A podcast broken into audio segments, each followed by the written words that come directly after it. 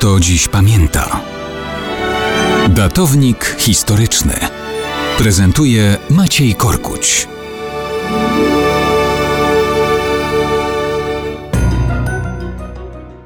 Mało kto dziś pamięta, że 17 maja 1902 roku odkryty został mechanizm z antykityry. Misternie wykonane, skomplikowane urządzenie, łączące w sobie kilkadziesiąt zębatych kół i kółeczek, misternie wykonanych, detalicznie ozdobionych napisami.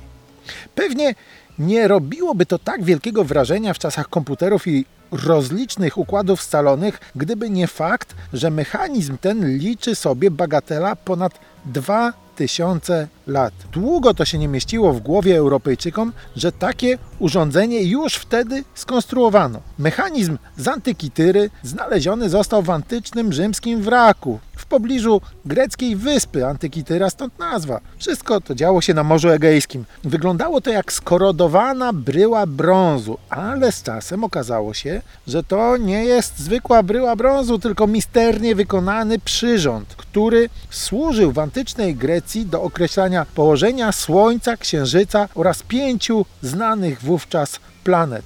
Dopiero po 100 latach od odnalezienia w XXI wieku udało się skorygować wcześniejsze przypuszczenia co do zastosowania tego urządzenia dzięki wykorzystaniu supernowoczesnej tomografii komputerowej tworzącej trójwymiarowy obraz prześwietlanego obiektu. Dzięki temu dokładnie policzono wszystkie duże i małe kółka zębate i odczytano większość pokrywających je napisów. Mechanizm mieszczący się w 30-centymetrowym pudełku składał się aż z 37 takich kół zębatych, które napędzane były korbką z boku skrzynki. To niewiarygodne, że w tamtych czasach zbudowano tak misterną konstrukcję. Tego typu urządzenia po raz kolejny powstawały dopiero w czasach nowożytnych, a też niekoniecznie były aż tak precyzyjne. Oczywiście wyobraźnie naukowców rozpalają wszelkie sugestie zachowane w źródłach, które mają stwierdzić, kto mógł być twórcą i właścicielem tego inżynieryjnego arcydzieła. Niektórzy doszukują się, że mógł to być nauczyciel Cycerona